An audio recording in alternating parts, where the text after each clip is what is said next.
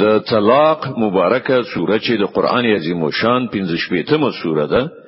په مدینه منوره کې را نازل شوې ده دولس مبارک آیاتونه لري تلاوت او پښتو ترجمه یې لومړی آیت څخه اوري بسم الله الرحمن الرحیم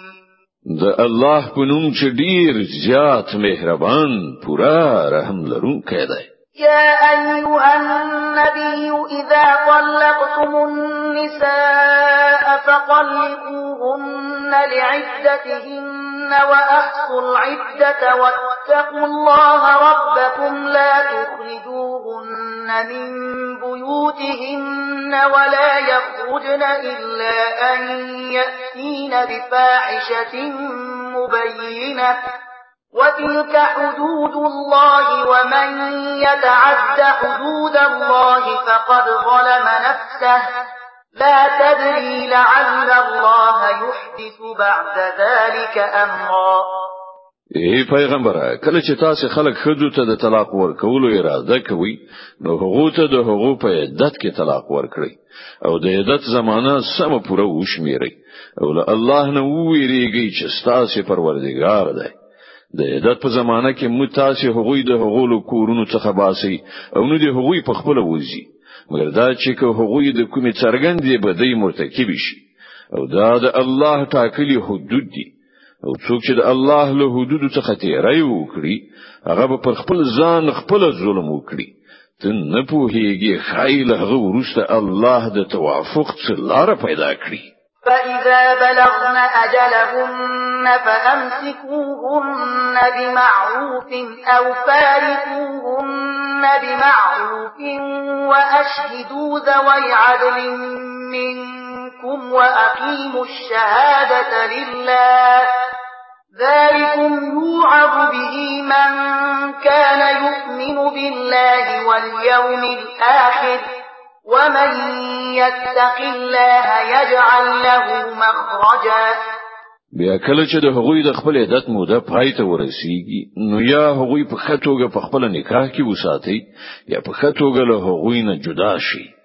او دو داسې کسان شاهدان ونیسي چې له تاسو نه د عادل خاوندان وي او ای شاهدانو شاهدی سم صحیح د الله لپاره ادا کړئ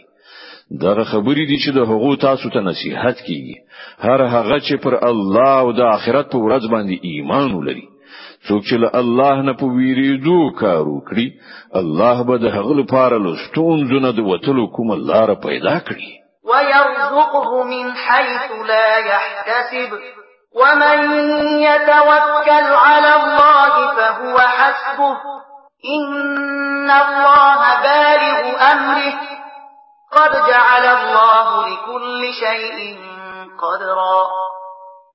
او هغه ته بل داسې لارې نه روزي ورکړي چې هغه لوري ته د هغه ګمان هم نه رسیږي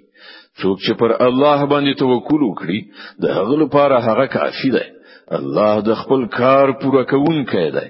الله د هر شي لپاره یو اندازه ټاکلې ده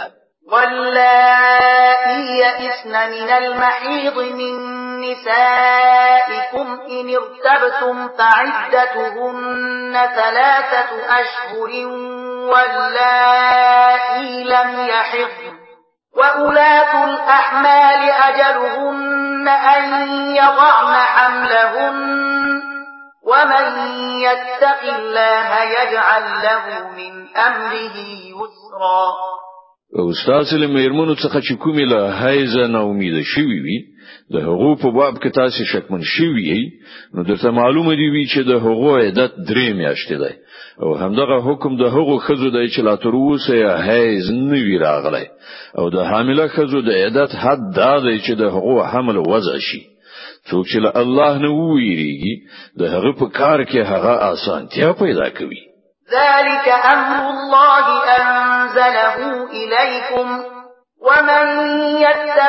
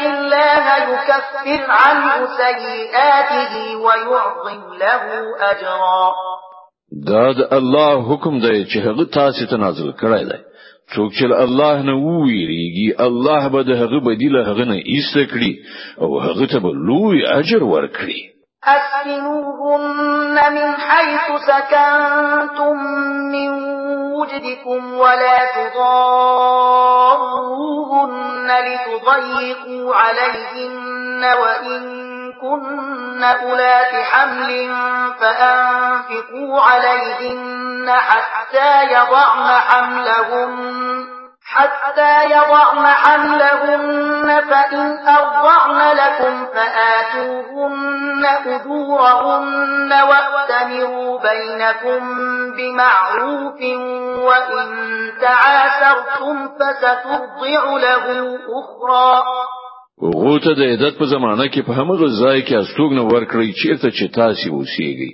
هر راز ځای چې تاسو ته میسر وي او د هغو د تنګولو یعنی پر هغو باندې د فشار راوړلو لپاره هغوی مزوروي او که هغوی حاملی وي نو پر هغوی باندې تر هغه وخت لګښت وکړي تر څو چې د هغو حمل نوي وضع شوی بیا که هغوی ستاسو لپاره ماشوم ته تای ورکړای نو هغه ته به د هغو اجوره ورکړي او د اجورې معامله په خټوګه په خپل منځي خبرو اترو سره فیصله کړي خو که تاسو د اجورې په پریکړه کې یو بل سره سختی ونیوله نو ماشوم ته به کومه بل خزه تای ورکړي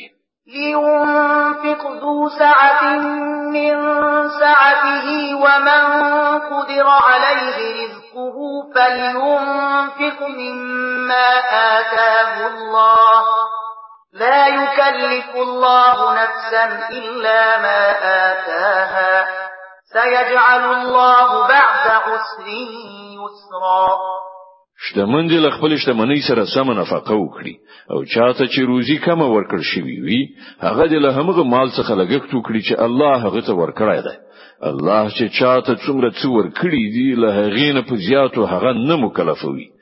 لري نه چې الله له تنګلاسۍ نه ورسته پراخي هم ور په برخه کړي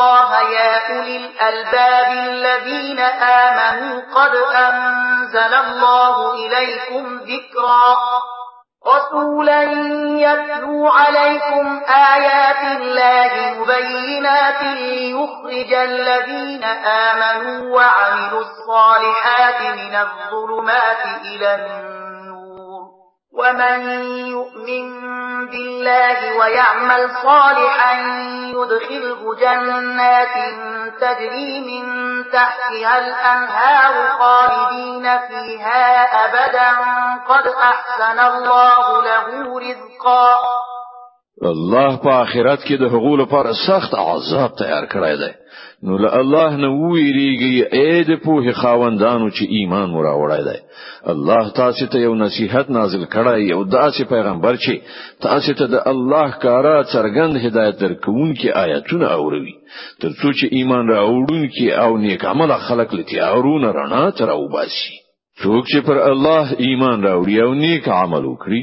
الله به هغه داسې جنتونو ته ننباسي چې تر هغو لاندې به ویالي بهيږي دوی به په هغو کې د تل لپاره اوسيږي الله د دغه انسان لپاره ډیره غوره روزي ساتلې ده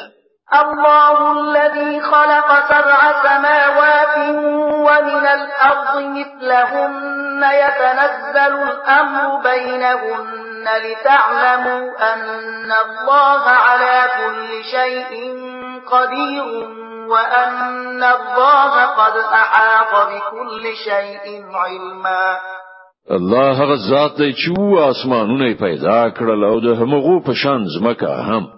د هغو په منځ کې حکم نازلېږي دا تاسو ته د دې لپاره ویل کیږي ترڅو چې تاسو وپوهیږئ چې الله په هر څه قدرت لري او دا چې د الله علم پر هر شی باندې چاپیر دی